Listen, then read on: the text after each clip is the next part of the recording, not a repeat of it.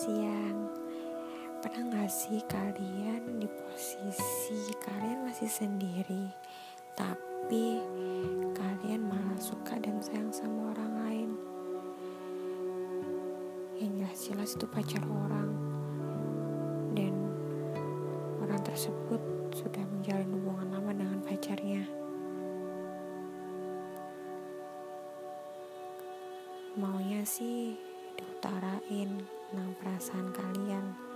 Tapi kalian pasti takut. Takut untuk ditolak. Jadi kalian pilih pendam saja dan berdoa agar orang tersebut baik-baik saja dengan pasangannya. Beda cerita kalau kalian mengutarakan dan orang tersebut malah membuka pintu-pintu pintu lebar-lebar untuk kalian.